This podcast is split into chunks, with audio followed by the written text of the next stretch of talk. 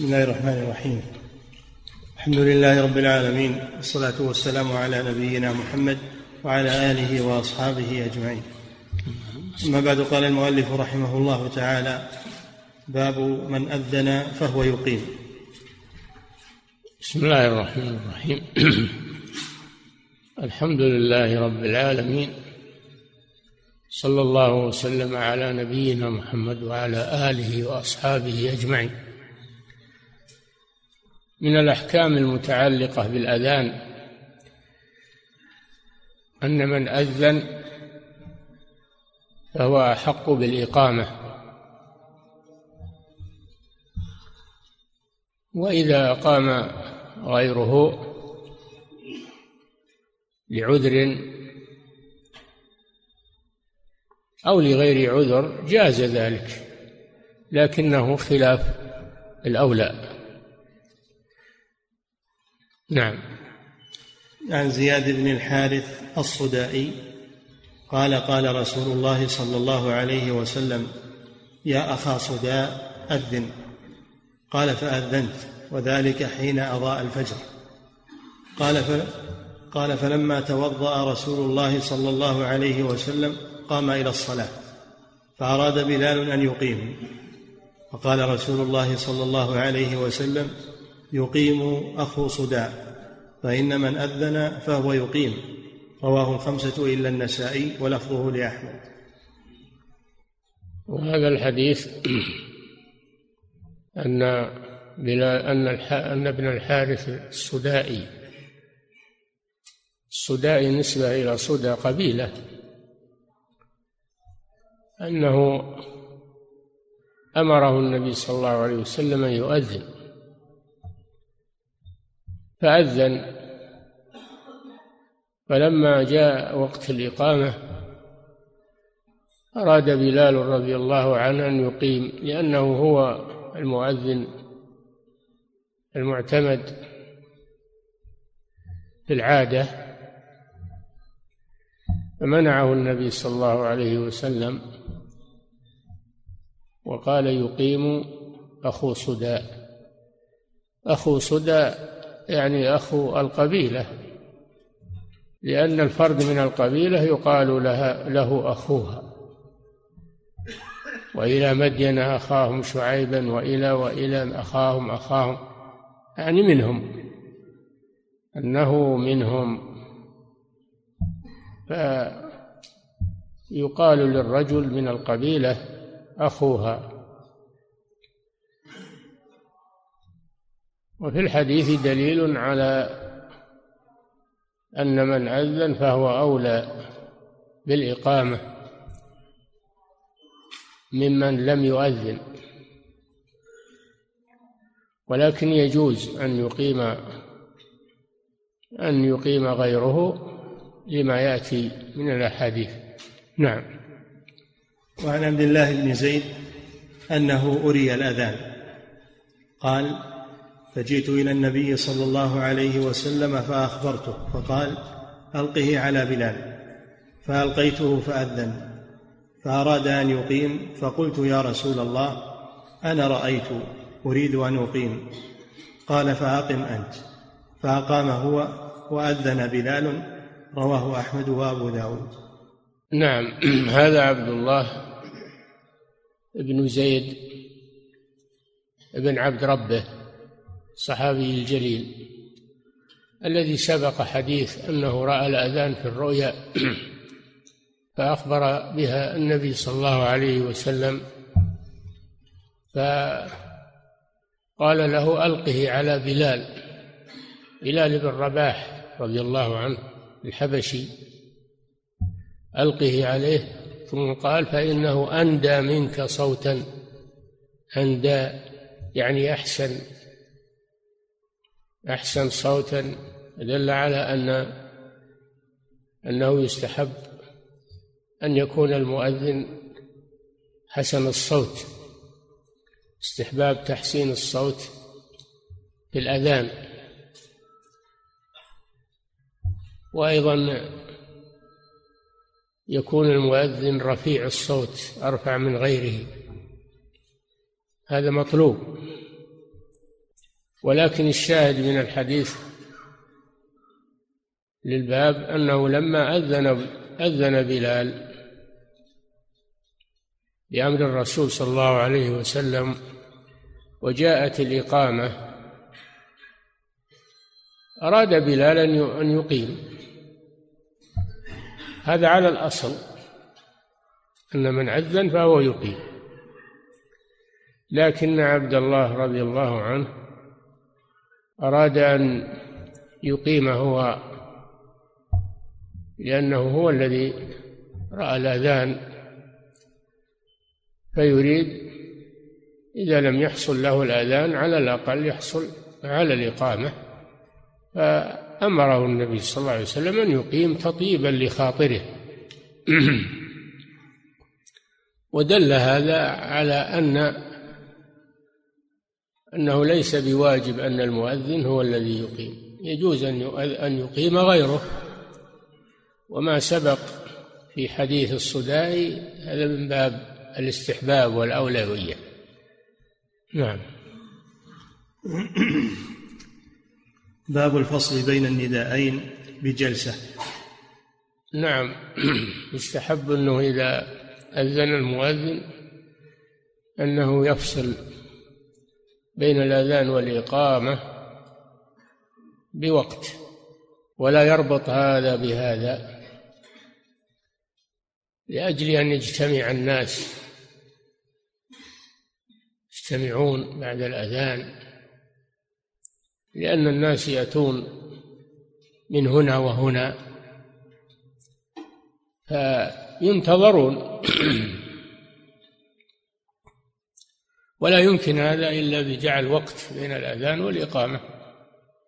ما إذا كان الجماعة حاضرون إذا كان الجماعة حاضرين في المسجد أو في المكان فلا بأس أن تتبع الإقامة الأذان لأنه لا داعي إلى تأخير الإقامة. إنما هذا إذا كان الجماعة خارج المسجد أو المكان الذي يصلى فيه فينتظرون بشيء من الوقت. نعم. باب الفصل بين النداءين بجلسة. نداءين يعني الأذان والإقامة لأن الإقامة تسمى نداء وتسمى أذانا أيضا. نعم. عن عبد الرحمن بن أبي ليلى قال حدثنا أصحابنا أن رسول الله صلى الله عليه وسلم قال لقد أعجبني أن تكون صلاة المسلمين أو المؤمنين واحدة وذكر الحديث وفيه فجاء رجل من الأنصار فقال يا رسول الله إني لما رجعت لما رأيت من اهتمامك رأيت رجلا كأن عليه ثوبين أخضرين يعني في الرؤيا. نعم. عليه ثوبين أخضرين فقام على المسجد. رأيت. إني لما رجعت لما رأيت من اهتمامك. نعم. رأيت رجلا كأن عليه ثوبين أخضرين. كأن عليه ثوبين. نعم منصوب بكأن لأن من النواصب. ثوبين مثنى. وينصب بالياء نيابة عن الفتحة. نعم. رأيت رجلا كأن عليه ثوبين أخضرين فقام على المسجد فأذن ثم قعد قعده ثم قام فقال مثلها إلا أنه يقول قد قامت الصلاة فذكر الحديث رواه أبو داود. نعم الشاهد في قوله قعد قعدة لما أذن هذا في الرؤيا لما أذن قعد قعدة بعد الأذان ثم قام وأقام الصلاة. هذا محل الشاهد أنه يفصل بين الأذان والإقامة بفاصل ولا يربط الأذان بالإقامة وفيه دليل على العمل بالرؤيا إذا وافقت السنة. إذا وافقت السنة. وفيه دليل على أن ألفاظ الإقامة مثل ألفاظ الأذان إلا في شيئين. الحيعلتين بدل أن يقول حي على الصلاة حي على الفلاح يقول قد قامت الصلاة قد قامت الصلاة ويكررها. وأما بقية ألفاظ الإقامة فهي ألفاظ الأذان. نعم. باب النهي عن أخذ الأجر على الأذان. نعم. الأذان عبادة. قربة إلى الله عز وجل والعبادات لا يؤخذ عليها أجر لأنها عبادة تفعل احتسابا لوجه الله سبحانه وتعالى. والنبي صلى الله عليه وسلم قال لعثمان بن أبي العاص الثقفي رضي الله عنه واتخذ مؤذنا لا يأخذ على أذانه أجرا. لا يأخذ على أذانه أجرا. فهذا دليل على تحريم أخذ الأجرة على الأذان. ولكن المؤذن يعطى من بيت المال. يعطى من بيت المال. مثل ما يعطى القاضي والمفتي والإمام هذا رزق من بيت المال وليس أجرة لأنه بحاجة إلى النفقة. والأذان سيقعده عن طلب الرزق. يقعده القيام بالأذان يقعده عن الاكتساب. فيعطى من بيت المال ما يكفيه وهذا ليس أجرة هذا لأن بيت المال لمصالح المسلمين وهذا من أعظمها. وإذا أعطاه أحد غير بيت المال من غير شرط أعطاه أحد من المحسنين من غير اشتراط فلا بأس. يش هذا مثل الرزق من بيت المال. أما أن يشترط على أحد أنه يؤذن بأجرة فهذا لا يجوز. نعم. باب النهي عن باب النهي عن أخذ الأجر على الأذان.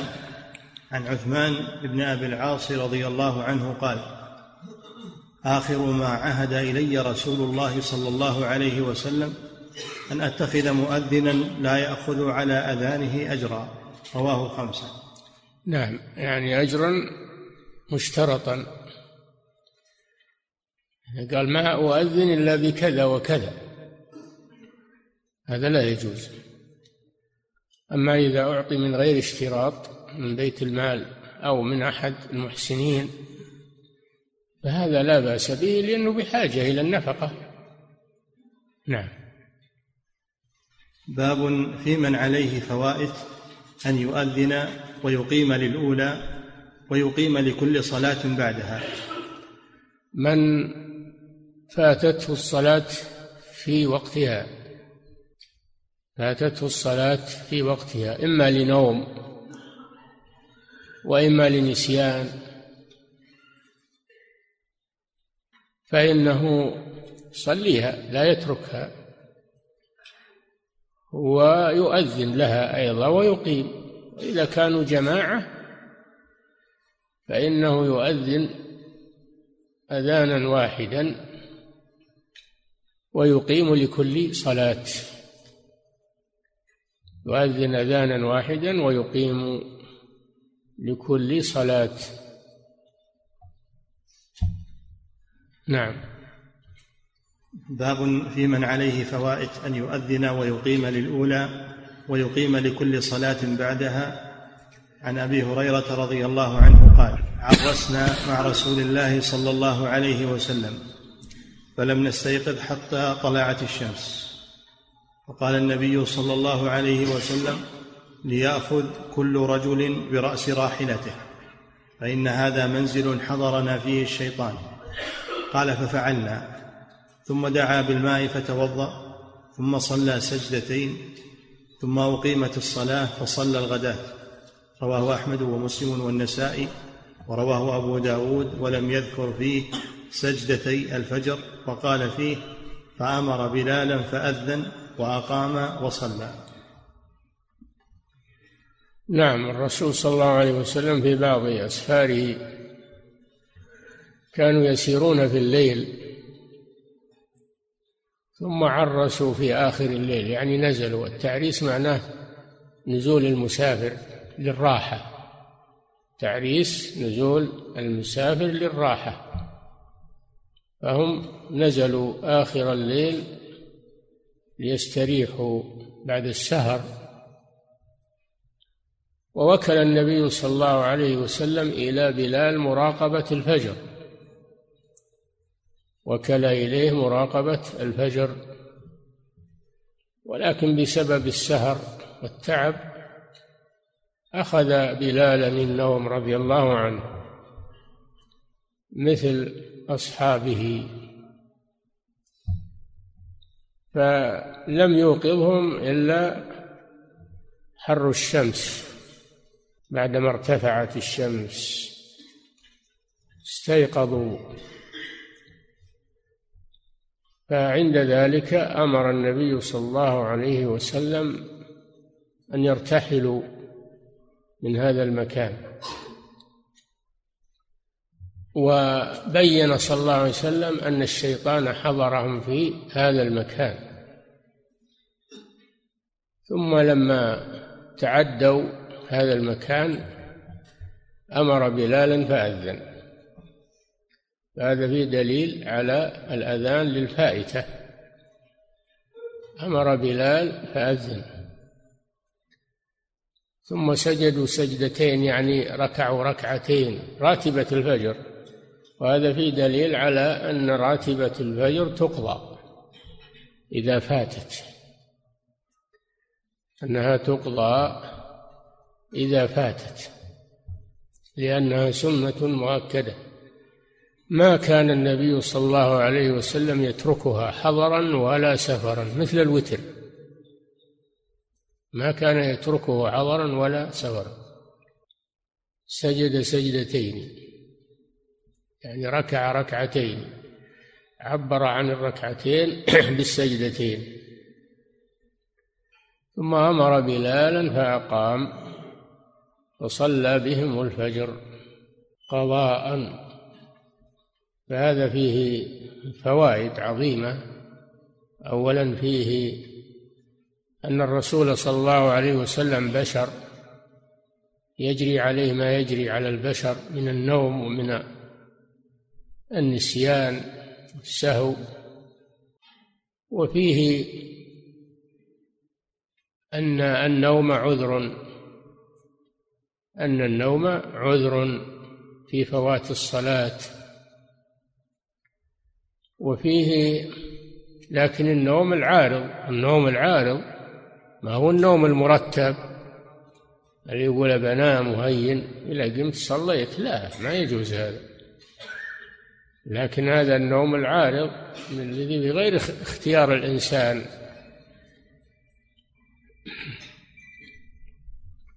وفيه ما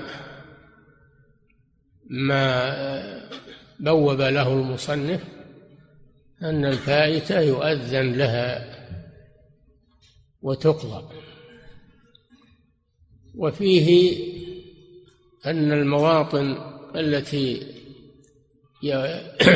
يأتيها الشيطان لا يصلى فيها مثل الحمام والحش. هذه مواطن يأتيها الشياطين فلا يصلي فيها. الموطن الذي هو من مواطن الشيطان لا يصلى فيه. نعم.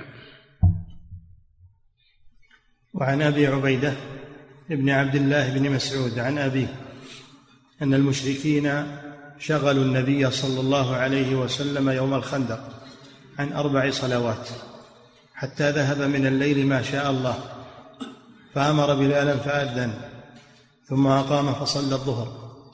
ثم أقام فصلى العصر ثم أقام فصلى المغرب ثم أقام فصلى العشاء. رواه أحمد والنسائي والترمذي. وقال ليس بإسناده بأس إلا أن أبا عبيدة لم يسمع من عبد الله. أبو عبيدة بن عبد الله بن مسعود لم يسمع من أبيه عبد الله بن مسعود فيكون الحديث منقطعا. يكون منقطعا. وليس فيه ما يخل بسنده إلا هذه العلة وهي الانقطاع. لكن تؤيده أحاديث أخرى جاءت بمعناه أن النبي صلى الله عليه وسلم يوم الخندق الخندق غزوة غزا المشركون رسول الله صلى الله عليه وسلم بعد وقعة أحد. تجمعوا عليه. يريدون القضاء على الرسول وعلى المسلمين. مختلف القبائل. وجاءوا ونزلوا. حاصروا المدينة. فلما علم النبي صلى الله عليه وسلم بقدومهم قبل أن يصلوا استشار أصحابه.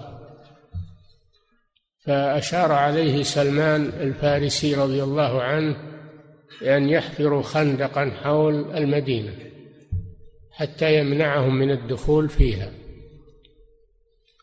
فحفروا خندقا حول المدينة. لا تقدر الخيل على تجاوزه. فلذلك سميت غزوة الخندق. غزوة الخندق. وتسمى أيضا غزوة الأحزاب. لأن العرب تحزبوا على رسول الله صلى الله عليه وسلم بقيادة أبي سفيان بن الحارث. وأصاب المسلمين في هذه الغزوة شدائد عظيمة وخانت اليهود الذين عاهدوا الرسول صلى الله عليه وسلم على الدفاع عن المدينة خانوا وانضموا إلى الأحزاب لعنهم الله.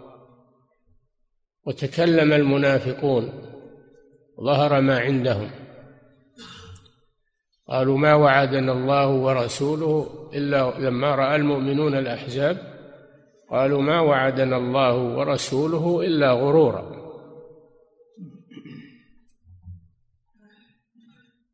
تكلموا بهذا. والمسلمون وقعوا بين عدوين من الداخل والخارج. جاءوكم من فوقكم ومن أسفل منكم. وإذ زاغت الأبصار وبلغت القلوب الحناجر. تظنون بالله الظنون هنالك ابتلي المؤمنون وزلزلوا زلزالا شديدا.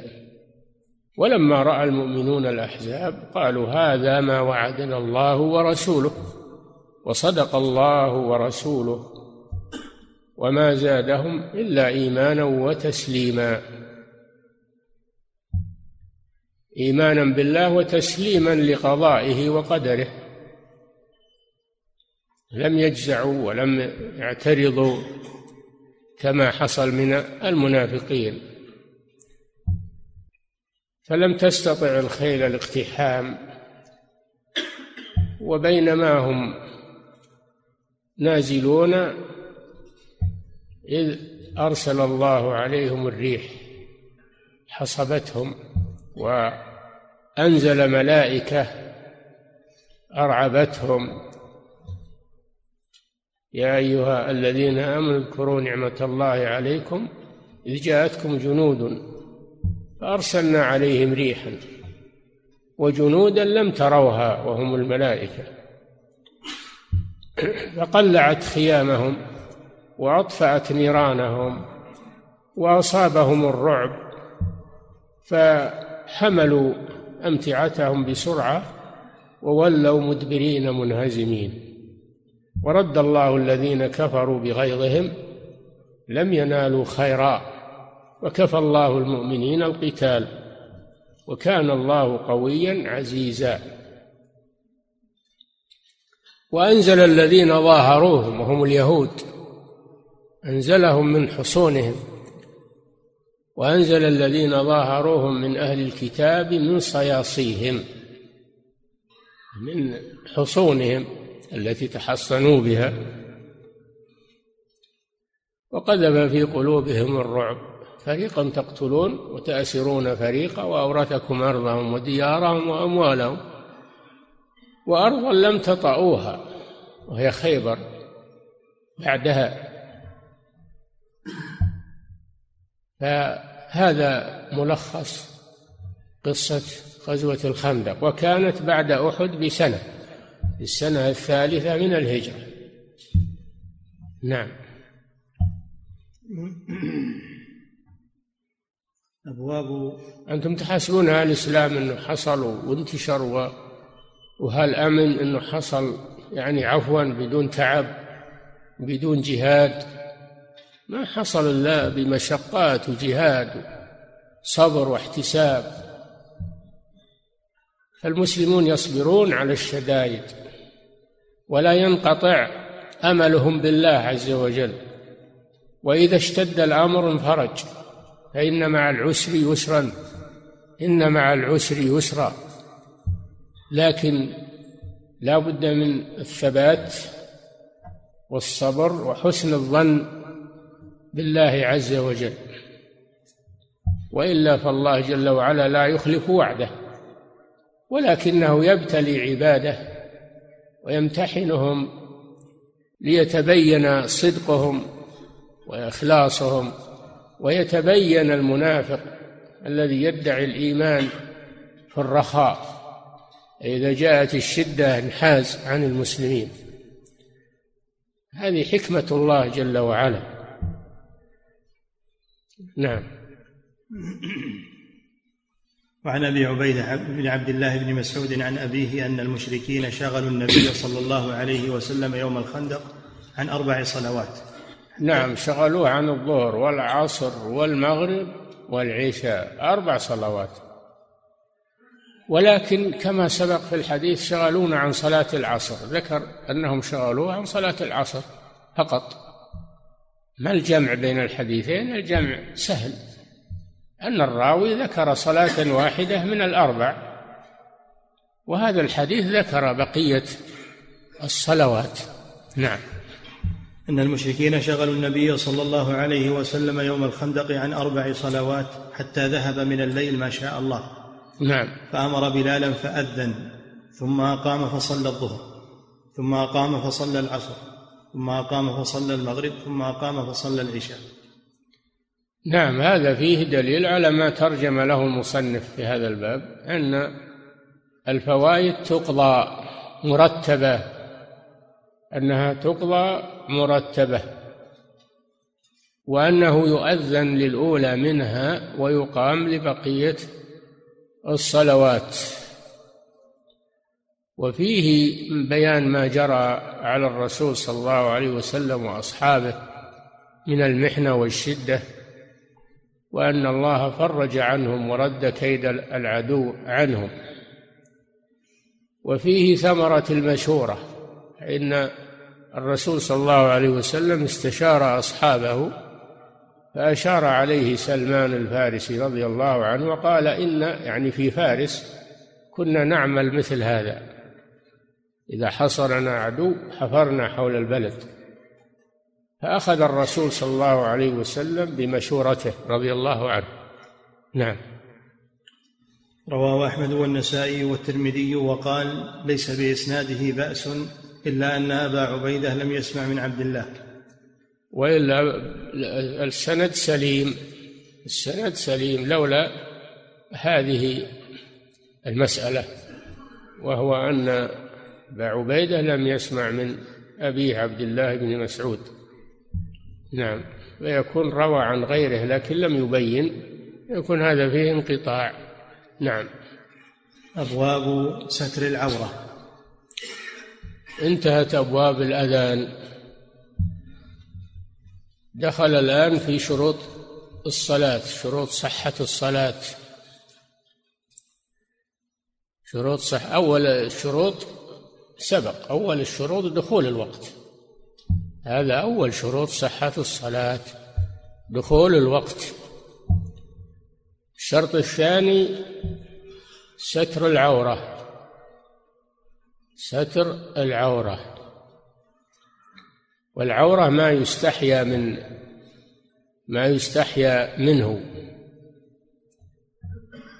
والله جل وعلا أمر بستر العورات للرجال والنساء. وهذا من سد الوسائل التي تفضي إلى المحذور لأن الله حرم الزنا وتوعد عليه بأشد الوعيد. ولما حرم الزنا حرم وسائله التي تجر إليه ومنها التعري. كشف العورات. هذا وسيلة إلى الفاحشة. ولهذا أمر الله بستر العورة. يا بني آدم خذوا زينتكم عند كل مسجد. يعني استروا عوراتكم عند كل صلاة. الصلاة تسمى مسجدا. عند كل صلاة. هذا دليل على اشتراط ستر العورة في الصلاة مع القدرة ما إذا لم يقدر فيصلي على حسب حاله. والحكمة فيه أنه يبعد عن الفاحشة يبعد عن الوقوع في الفاحشة. قال جل وعلا والذين هم لفروجهم حافظون إلا على أزواجهم أو ما ملكت أيمانهم. فلا يكشفون عوراتهم إلا بين الزوجين أو بين السيد وملك يمينه تسري إلا على أزواجهم أو ما ملكت أيمانهم فإنهم غير ملومين. فمن حفظ الفروج ستر العورة. هذا من حفظ الفروج.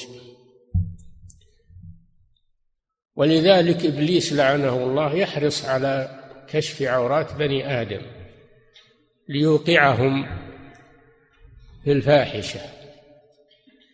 كما حاول مع أبينا آدم عليه السلام وحواء أمنا حواء ليريهما سوآتهما وهو يحرص ثم قال جل وعلا يا بني آدم لا يفتننكم الشيطان كما أخرج أبويكم من الجنة ينزع عنهما لباسهما ليريهما سوآتهم هذه حيلة شيطانية يدعو إليها الشيطان وأعوانه من بني آدم.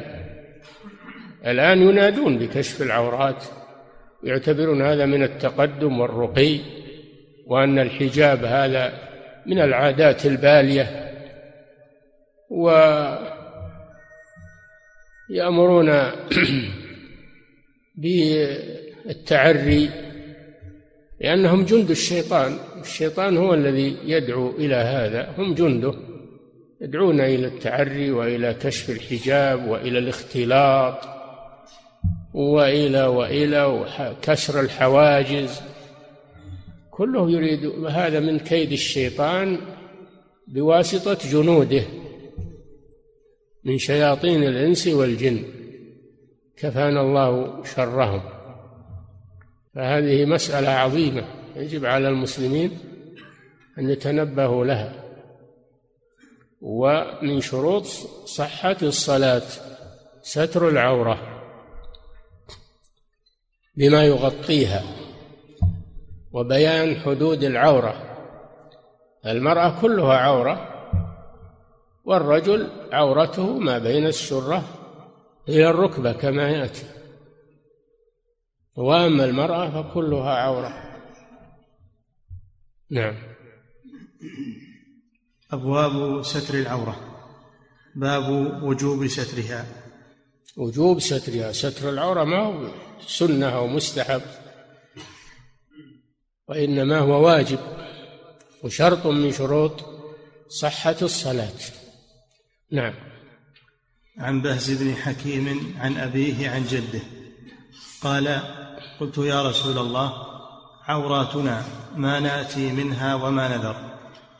قال احفظ عورتك إلا من زوجتك أو ما ملكت يمينك.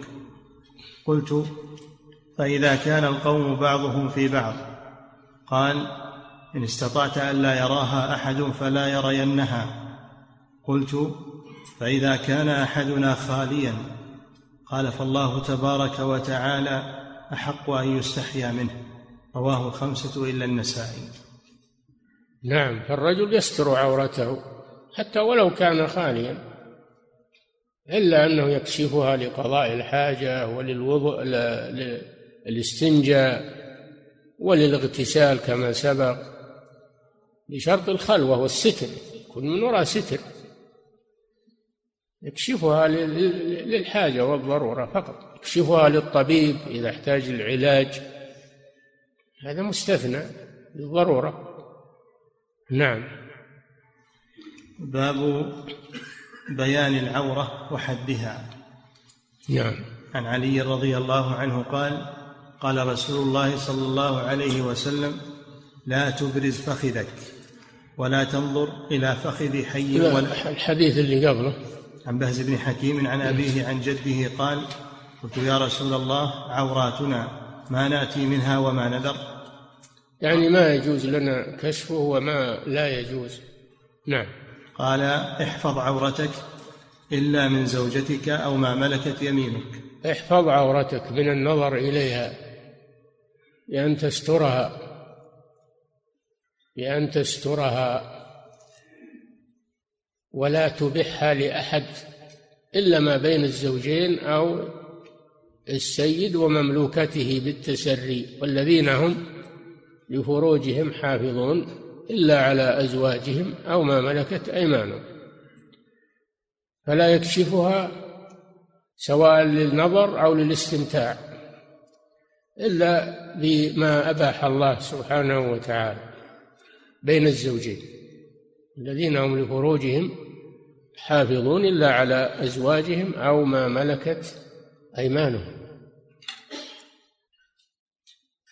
فهذا أباحه الله للاستمتاع أو يكشفها لقضاء الحاجة أو للاستنجاء والاستجمار أو يكشفها إذا اضطر للتداوي إذا لم يمكن العلاج إلا بذلك بقدر الحاجة.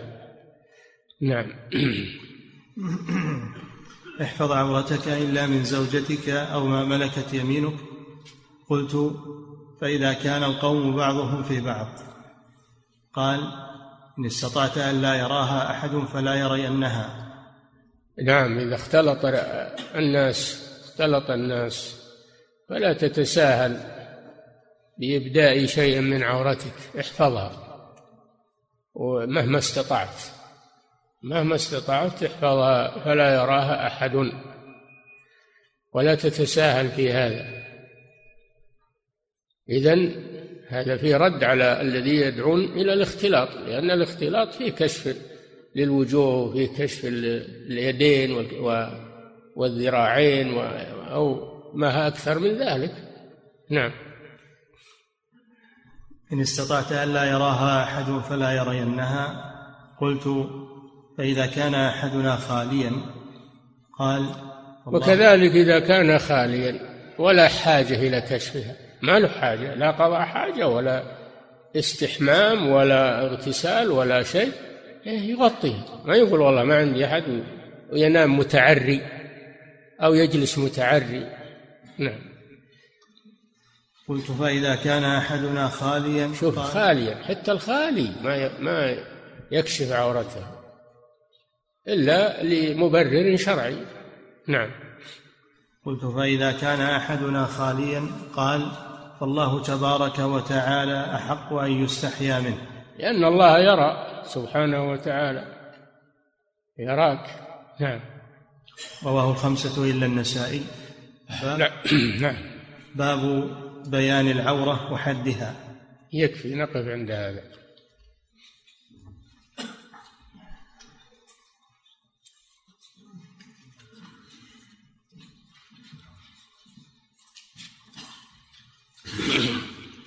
فضيلة الشيخ وفقكم الله يقول الأذان المسجل هل يكرر وراءه؟ لا يؤدي الغرض الأذان المسجل ما يؤدي الغرض لأن لأن الأذان عبادة. لا بد أن يؤدى مباشرة من مؤذن من مسلم يؤديه. لا بد من هذا عبادة. وإلا لو فتحت مسجل على الصلاة أو على ما ما يصير هذه صلاة ولا. لو فتحت على ذكر الله ما يصير هذا ذكر. لازم أنت تذكر الله لازم أنت تقرأ القرآن لازم أنت تتكلم بالعبادة. ما يكفي المسجل نعم. وكذلك حفظك الله يقول الأذان الذي يكون فيه تغني وتمطيط هل يردد؟ لا ما يجوز. هذا مل هذا ملحن. هذا ملحن ولا يجوز. يكره. يكره التلحين. لكن تحسين الصوت بالآذان مطلوب. تحسين الصوت بالآذان مطلوب. أما تمطيطه وتلحينه مثل الأغاني وعلى المقامات كما يقولون مقامات الصوفية هذا لا يجوز. هذا عبادة ما يتلاعب بها. نعم.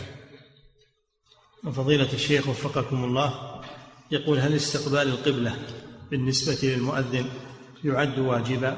سبق لنا هذا أنه يستحب له استقبال القبلة.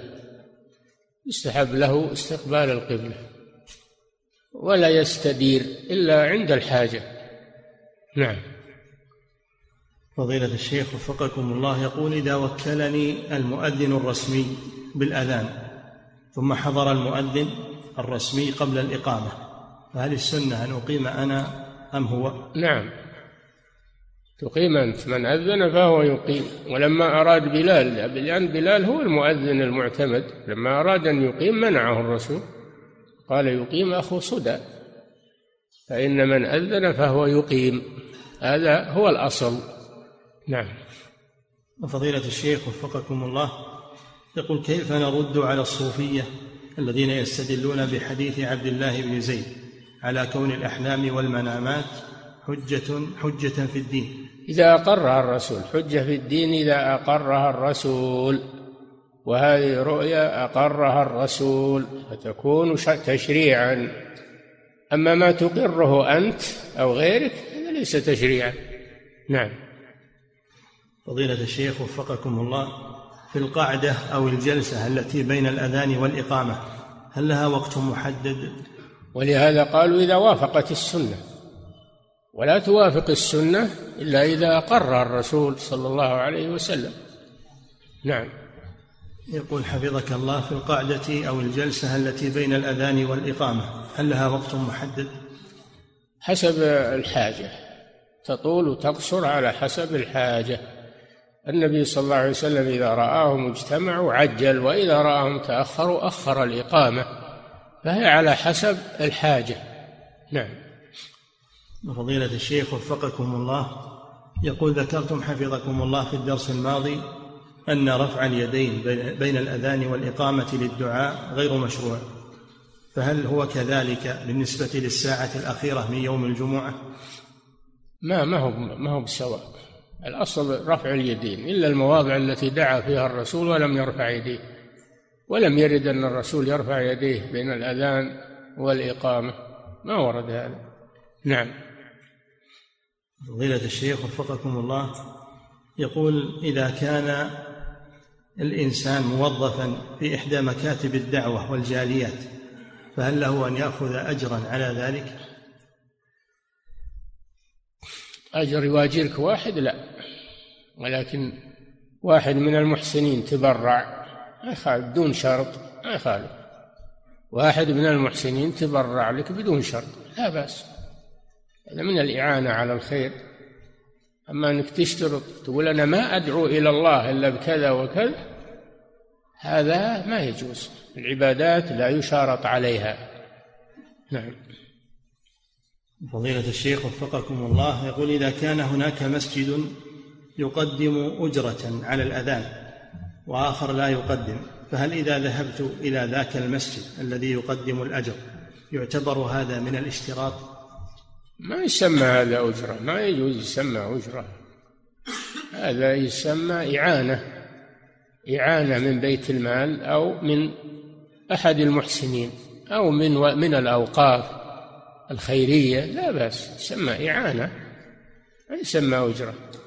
اتخذ مؤذنا لا يأخذ على أذانه أجرا. نعم. فضيلة الشيخ وفقكم الله اللي ما يذن إلا بأجرة هذا ما ما يصلح. اللي يقول أنا بأذن تقربا إلى الله عز وجل وطلبا للثواب وإذا أعطي شيئا بدون اشتراط يأخذه لا بأس. نعم. فضيلة الشيخ حفظك الله يقول إذا لم يكن المؤذن يعطى من بيت المال ما يكفيه. ولم يجد من يعطيه من المحسنين فهل له في هذه الحال أن يشترط؟ لا لا يؤذن. ترزق الله يجي غيره. ترزق الله ويجي غيره. نعم. المسلمون كثير والحمد لله. ولا يعدم من يرغب في الأذان. ما يعدم هذا. نعم. فضيلة الشيخ وفقك الله يقول بعض الأئمة والمؤذنين خارج هذه البلاد يستقدمون. ويشترط أو ويشرط لهم أجر معين من المال مقابل عمله. هم اشترطوا وإلا المتبرع حدد. المتبرع حدد ما يخالف. أما هم يقولون لا ما إحنا بجايين إلا براتب كذا. هذا لا يجوز. نعم. فضيلة الشيخ وفقكم الله ورد عن النبي صلى الله عليه وسلم واتخذ مؤذنا لا يأخذ على أذانه أجرا. نعم. ورد عن النبي صلى الله عليه وسلم أنه قال واتخذ مؤذنا لا يأخذ على أذانه أجرا. وورد عنه عليه الصلاة والسلام إن أحق ما أخذتم عليه أجرا كتاب الله عز وجل. هذا للتعليم هذا في التعليم تعليم غير تعليم يأخذ عليه. كذلك الرقية يأخذ عليها الحديث وارد في الرقية والتعليم لا بأس. نعم. فضيلة الشيخ وفقكم الله يقول هل يجوز إطلاق اسم الإخوة على الكافر انطلاقا من قوله؟ لا لا أنت ما تقول الإخوة لكن يقال أخو القبيلة الفلانية يعني أنه منها؟ لا بأس. يخبر عنه بأنه أخو القبيلة الفلانية؟ لا بأس من باب الإخبار. أخوها يعني منها. أما تقول أخونا لا. ولو من قبيلك ما تقول أخونا هو كافر. نعم.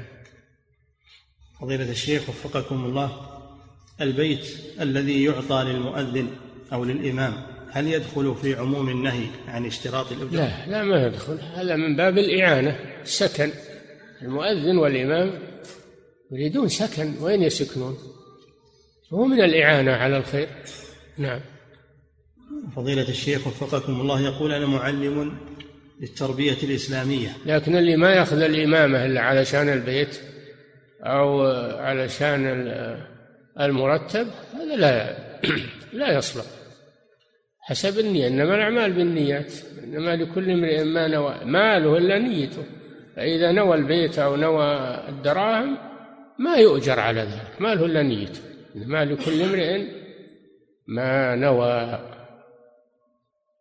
لكن الحين ياخذون البيوت وياخذون الرواتب ولا يصلون ولا يأذنون أيضا.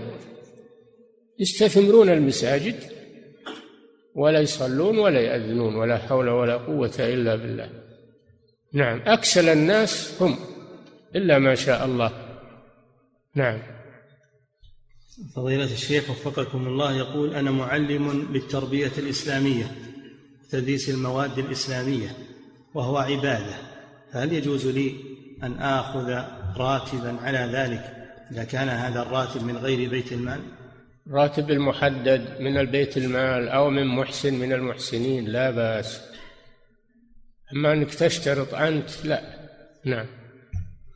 فضيلة الشيخ وفقكم الله هل كان الرسول صلى الله عليه وسلم يترك صلاة الضحى في السفر؟ وهل هي من السنن المؤكدة؟ ما ما أدري لكن الرسول صلاها في فتح مكة صلاها صلى صلاة الضحى وهو مسافر عليه الصلاة والسلام. يصليها المسلم إذا تيسر له ذلك. نعم. فضيلة الشيخ وفقكم الله في قول النبي صلى الله عليه وسلم لما نام قال عن هذا المكان إنه حضرنا فيه الشيطان يقول إذا نام الإنسان في غرفته ففاتته الصلاة. فهل يقاس هذا على هذا فيخرج من هذه الغرفة ليصلي في غرفة أخرى؟ هذا مما أطلع الله ورسوله عليه. يطلعون الناس من منازلهم يقولون هذه فيها شيطان؟ لا. لكن الرسول أطلعه الله على ذلك. فأخبر عنه صلى الله عليه وسلم. لكن المحلات اللي معروف إنها للشياطين تحضرها مثل دورات المياه الحمامات وال... هذه لا ما يصلى فيها. نعم. فضيلة الشيخ وفقكم الله يقول إذا طلب مني رجل أن أعلم أبناءه القرآن وقال لي إني لا أدري كم أعطيك فقل لي أنت كم أعطيك من المال. هذه مشارطة ما يجوز هذا. تقول أعطنا المتيسر بس. أعطنا المتيسر. إن صلح لك. تأخذه وتدرس ما صلح لك ترزق نعم. فضيلة الشيخ وفقكم الله يقول ما حكم الأذان بالنسبة للمرأة؟ لا ما يجوز الأذان للمرأة ولا الإقامة. هذا للرجال فقط. ما ورد أن النساء تؤذن ولا أنها تقيم. نعم. كذلك حفظك الله يقول إذا صلينا جماعة فهل تقيم إحداهن؟ نعم. إذا صلينا جماعة. لا تقيم المرأة لا وحدها ولا مع جماعة النساء لا تقيم. هذا للرجال خاصة. نعم.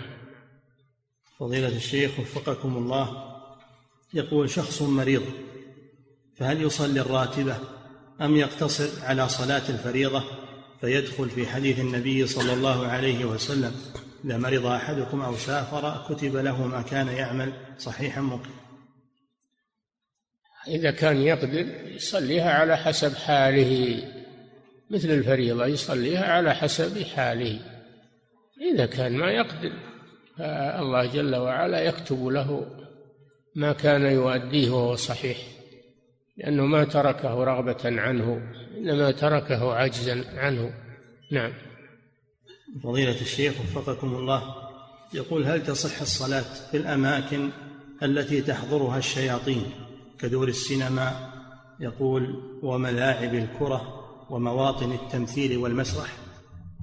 محلات الطاهرة يصلى فيها جعلت الأرض مسجدا وطهورا. المحلات الطاهرة والتي ليس فيها شرك ولا مظاهر شرك يصلى فيها. كونه يصلى فيها أحسن من أنه تخلو للأشرار وأيضا تعلم الناس الصلاة وتحثهم على الصلاة هذا شيء طيب. من الدعوة إلى الله عز وجل. نعم. فضيلة الشيخ وفقكم الله يقول كيف الجمع بين حديث أبي هريرة رضي الله عنه الذي فيه نوم النبي صلى الله عليه وسلم عن صلاة الفجر وبين حديث تنام عيناي ولا ينام قلبي؟ نعم هذا في العين ما هو في القلب. النوم اللي أصابهم هذا ما هم في القلب هذا في العين. ما شافه الفجر. نعم. فضيلة الشيخ وفقكم الله أسئلة كثيرة جدا تسأل عن ما يتعلق بصيام عاشوراء. هل هو يوم الاثنين أم يوم الثلاثاء؟ يحتمل. هل يصوم الأحد والاثنين؟ لا بأس. اللي يصوم الثلا... الاثنين والثلاثة؟ لا بأس. وهذا أحسن. اللي يصوم الاثنين والثلاثة هذا أحسن لأنه لا يخلو. إما أن يكون صام قبله أو صام بعده. لأن يوم الاثنين هو عاشوراء. يوم الاثنين هو عاشوراء. أو يوم الثلاثة يحتمل هذا وهذا. فإذا عمل بالأحوط يكون أحسن. نعم. إذا صام يوم الاثنين والثلاثاء يصير الاثنين تسعة مع وفاء الشهر يصير الاثنين تسعة. والثلاثة يصير هو عاشوراء. أو العكس إذا صام الأحد والاثنين أيضا هذا بنى على التقويم هو كله اجتهاد والحمد لله. نعم. فضيلة الشيخ وفقكم الله يقول بعض المصلين ينكشف جزء من عورته أثناء أدائه للصلاة دون أن يشعر وبخاصة من يلبس البنطال هل عليه إعادة الصلاة؟ لا اللي ما درى ما عليه شيء. اللي ما درى ما عليه شيء لكن اللي درى وتركه هذا بطلت صلاته؟ نعم. فضيلة الشيخ وفقكم الله يقول هل الإنسان إذا كان خاليا يجب عليه ستر عورته؟ ما يجب لكن يستحسن هذا. يستحسن هذا لأن العورة ما تكشف إلا لحاجة وهو ما له حاجة يكشفها. نعم. فضيلة الشيخ وفقك الله يقول بقوله عليه الصلاة والسلام احفظ عورتك إلا من زوجتك. هل هذا يؤخذ منه أنه يجوز التعري بين الزوجين؟ نعم لا بأس إلا أنه نهي عن أن يجامع يجامعها وهما عاري عاريان. نهي عن ذلك كالعيرين يعني كالحمارين. ينهى عن ذلك نعم. فضيلة الشيخ وفقكم الله يقول هل هذه العبارة صحيحة؟ أخرجنا من الجنة بسبب النساء. هل هذا الكلام صحيح؟ سبب إيش؟ النساء. النساء؟ نعم. لا أخرجوا من الجنة بسبب المعصية بسبب المعصية.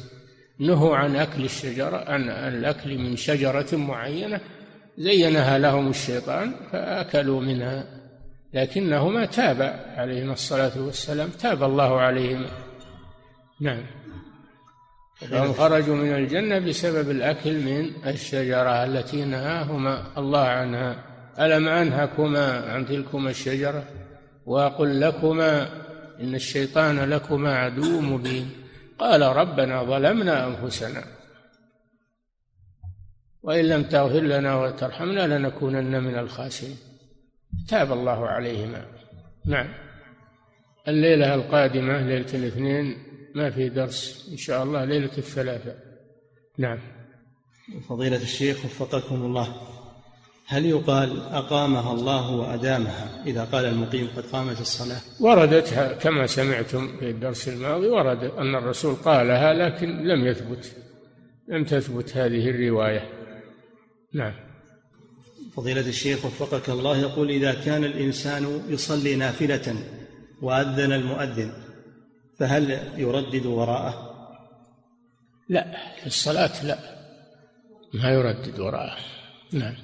كذلك حفظك الله يقول إذا كان الإنسان في الحمام وسمع الأذان فهل له أن يردد وراءه سرا؟ بقلبه لا بأس بقلبه.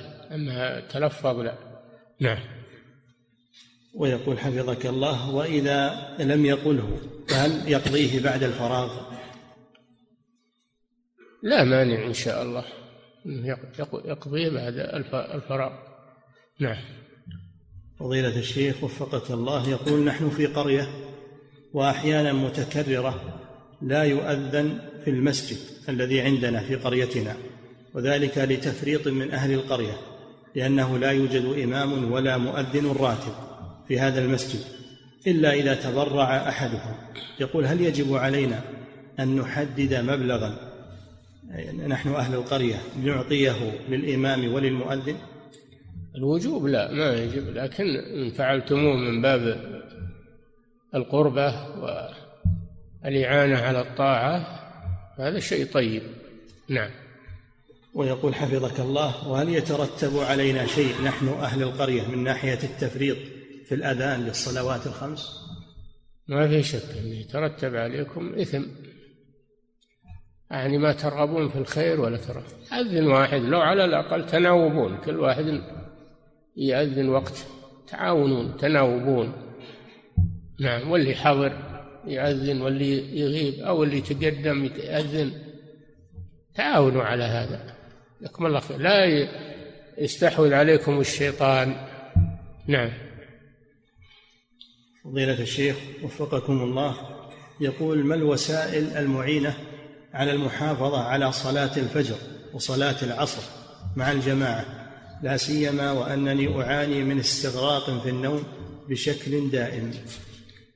وكل أحدا يوقظك أو اعمل شيء يوقظك من منبه يكون عندك أو وص أحد يوقظك أو أحد يكلمك بالجوال خلى الجوال عندك ويرن عليك أو أو التلفون.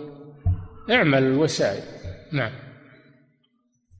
فضيلة الشيخ وفقكم الله يقول ما معنى قول المؤمنين في غزوة الخندق؟ هذا ما وعدنا الله ورسوله وصدق الله ورسوله. وعد الله أنه سيبتلي عباده المؤمنين وعدهم بهذا. أنه سيبتليهم وسيمتحنهم. نعم.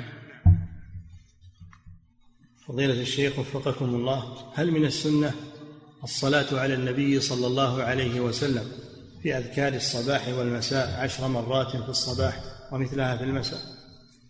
لا أعرف هذا ما أدري. نعم. فضيلة الشيخ وفقكم الله يقول رجل صلى العصر ثم نام. ولم يستيقظ إلا على إقامة الصلاة. فأتى المسجد ودخل معهم في الصلاة ظنا منه أنهم يصلون المغرب. لكن لما قام الإمام للرابعة عرف أنهم يصلون العشاء. فماذا يصنع؟ هل تكون له عشاء؟ لا لأنه ما نواها إنما الأعمال بالنيات وما نوى العشاء. نواها المغرب. فعليه أنه يصلي المغرب ويصلي العشاء وهو إن شاء الله معذور بالنوم الذي لم يقصده. نعم. فضيلة الشيخ وفقكم الله يقول أو امرأة تقول ظهر الآن دواء يمنع الحمل وهو عبارة عن شريط لاصق بحجم الكف يوضع على اليد لمدة شهر. يقول مما يؤدي إلى عدم وصول الماء إلى موضع الشريط اللاصق أثناء الغسل غسل الجنابة. هل يجوز لبسه وماذا تفعل عند الاغتسال؟ أولا ليه تمنع الحمل؟ الحمل ما يمنع إلا لسبب إلا لسبب يقتضي هذا مؤقتا حتى يزول السبب. وثانيا لا ما تمسح عليه لأنه حائل إلا إذا لبسته لحاجة لبسته لحاجة. قرر الأطباء أن الحمل يضرها قرر الأطباء أن الحمل يضرها فلبسته لأجل تأجيل الحمل حتى تتجنب الضرر فهي تمسح عليه ما دامت محتاجة إليه. نعم. فضيلة الشيخ وفقكم الله. يقول من كان به سلس البول فهل يجب عليه أن يتوضأ لكل صلاة حتى ولو لم يخرج منه شيء؟ لا إذا لم يخرج منه شيء وهو باق على طهارته لماذا يتوضأ؟ لكن اللي به سلس ما ما يمكن إنه ما يخرج منه شيء لأنه حدثه دائم هذا دائما يقطر البول معه. نعم ولا يتماسك. نعم. وفضيلة الشيخ وفقكم الله يقول ما نصيحتكم لي كطالب مبتدئ؟ هل تنصحونني بحضور الدروس بكثرة أم أكتفي بدرس أو بدرسين وأكثر هو الذي ينقطع عنه البول في بعض الأحيان. هذا ما هو بسلس. هذا ما هو بسلس. هذا يتوضأ ويصلي ويغسل النجاسة ويصلي ولا يصلي وعليه البول. أما السلس هو الحدث الدائم الذي لا ينقطع. نعم.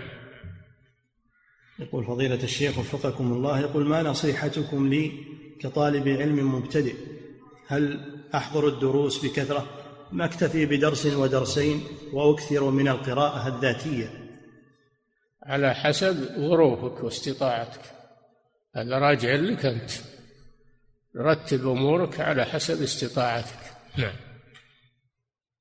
فضيلة الشيخ وفقكم الله امرأة تسأل فتقول إنها تقوم بتغسيل الأموات من النساء وتأتي بعض قريبات الميتة فتخاطب الميتة وتقول لها سلمي لي على فلان وفلانة من الأموات في القبور. فهل هذا الفعل جائز؟ إنسان تسمع الميتة إنسان تسمع وتحفظ كلامه. ما يخالف أما إنسان ما تسمع هذا عبث. نعم. ويقول وتقول حفظك الله وهل هناك أذكار تقال أثناء تغسيل الميت وهو على غشب وهو على خشبة الغسل؟ أبدا غير التسمية في أوله. عندما تريد الشروع تسمي على الطهارة مثل طهارة الحي. نعم. فضيلة الشيخ وفقكم الله يقول كنت أحج ومعي ابنتي وعمرها سنة وأنا نويت عنها الحج ولكن عند الميقات نسيت أن ألبي عنها وما تذكرت إلا بعد الميقات بحوالي عشر كيلو فلبيت عنها حينئذ وتمت وأتمت معنا جميع المناسك فهل يلزمني شيء؟ إن كان قصدك أنك ما نويت عنها إلا بعد ما تعديت والميقات يكون عليها فدية. لأنك تعد لأنها تعدت الميقات بدون إحرام وأحرمت بعد ما تعدت يعني نويت له بعد ما تعدت. أنت نائب عنها. أما إن كان ناو عنها عند الميقات لكن ما لبيت عنها تلبية السنة ما هي بلازمة. لو ما لبيت أبد حجك وحجها صحيح. نعم. فضيلة الشيخ وفقكم الله يقول يقول السائل كنت قبل سنوات قد سرقت خروفا. في قطيع. كنت قبل سنوات قد سرقت خروفا. من قطيع. من قطيع غنم. لا يوجد معه راعي لكن خيمته خيمته ليست بالبعيدة وقد تبت وبحثت إن خيمته ما هي بالبعيدة ولا معه راعي. شيله الخيمة هنا. نعم. وقد تبت وبحثت عن الراعي أو عن صاحب الغنم فلم أجد فقمت بتقييم الخروف وتصدقت به عن صاحبه إلا أنني قد سمعت أن السارق يغرم ضعف ثمن ما سرق. فما الواجب علي؟ هل أدفع مرة أخرى؟ لا لا. اللي دفعت فيه بركة إن شاء الله لكن لو يجيك راعيها أو تعرفه وهو ما يسقط عنك الضمان تعطيه إياه. أو تقول له أنا تصدقته إذا تمضي الصدقة لك فلا بأس. إذا ما تمضيها تبي ثمن خروف خذه تصير الصدقة لك أنت. نعم. فضيلة الشيخ وفقكم الله يقول أنا ملتزم بصيام يوم وإفطار يوم. أنا ملتزم بصيام يوم وإفطار يوم. فهل أستمر على هذا الصيام حتى في الأيام الفاضلة كعشر ذي الحجة وشعبان ومحرم؟ أحسن تصوم الأيام كلها يعني العشر تصومها كلها وعاشوراء واليوم قبله أو يوم بعده صومه كما أمر الرسول صلى الله عليه وسلم بذلك ثم تعود إلى صيامك المعتاد. نعم. فضيلة الشيخ وفقكم الله هذا سائل يقول إنه من فرنسا يقول اشتريت رخصة لسيارة الأجرة لأعمل بها عن طريق قرض ربوي فهل مكسبي حلال؟ عن طريق إيش؟ عن طريق قرض ربوي ما هو هذه السيارة ما هي بحلال لأن ثمنها حرام فهي غير غير حلال فإن بعت السيارة وتصدقت بثمنها ثم اشتغلت لما تحصل ثمن سيارة اشتغلت بالأجرة لما تحصل ثمن سيارة وتشري لك ذلك نعم. فضيلة الشيخ وفقكم الله يقول من سقط جنينها وهو في الشهر الثاني واستمر معها النزيف فهل يجب عليها أن تصلي؟ من؟ من سقط جنينها وهو في الشهر الثاني. لا هذا ما هو ولادة هذا هذا سقط نزيف هذا نزيف. تصلي ما تسقط عنها الصلاة. نعم. فضيلة الشيخ وفقكم الله هل يجوز أن يقال فلان وكيل الله في الأرض؟ الله هو الوكيل عن عن عباده. أما أنك تكون وكيل لله الله ما يوكل أحد. الله ما يوكل أحد. لأنه هو اللي يتولى أمور عباده. ولا يفوضها إلى أحد. نعم. وفضيلة الشيخ وفقكم الله. يقول ثبت أثر عن الصحابة رضوان الله عليهم أو حديث بتحريم قتل الضفدع لأن نقيقه تسبيح لله عز وجل. هذا حديث نعم. هذا ورد في الحديث أنه ما يقتل لأن نقيقه تسبيح. نعم. سؤاله حفظك الله. هل يشرع أن يحتفظ وأن يأتي بالضفادع إلى بيته لتسبح؟ لا. ما يشرع ولا يجي به البيت وش يبي به. خليه نعم. فضيلة الشيخ سبحوا له. صار عنده رغبة بالتسبيح يسبح هو إيش يبي بالضفادع تسبح؟ نعم. يقول يقول فضيلة الشيخ وفقكم الله. يقول بعض الناس يدعو لشخص فيقول جعل يومي قبل يومك. يقول هل هذا من تمني الموت المنهي عنه؟ لا هذه عادة عند الناس ولا. ما هو من تمني الموت. يعني كانوا يدعو له طول العمر ولكن اللفظ هذا ما هو ما هو بجيد. لو قال الله يطيل عمرك على الخير الله ي... لا بأس. نعم. فضيلة الشيخ وفقكم الله. يقول قال أخ لي إن الدنيا ما خلقت إلا من أجل الرسول صلى الله عليه وسلم. هذا غلو والعياذ بالله. هذا غلو. الدنيا خلقت لأجل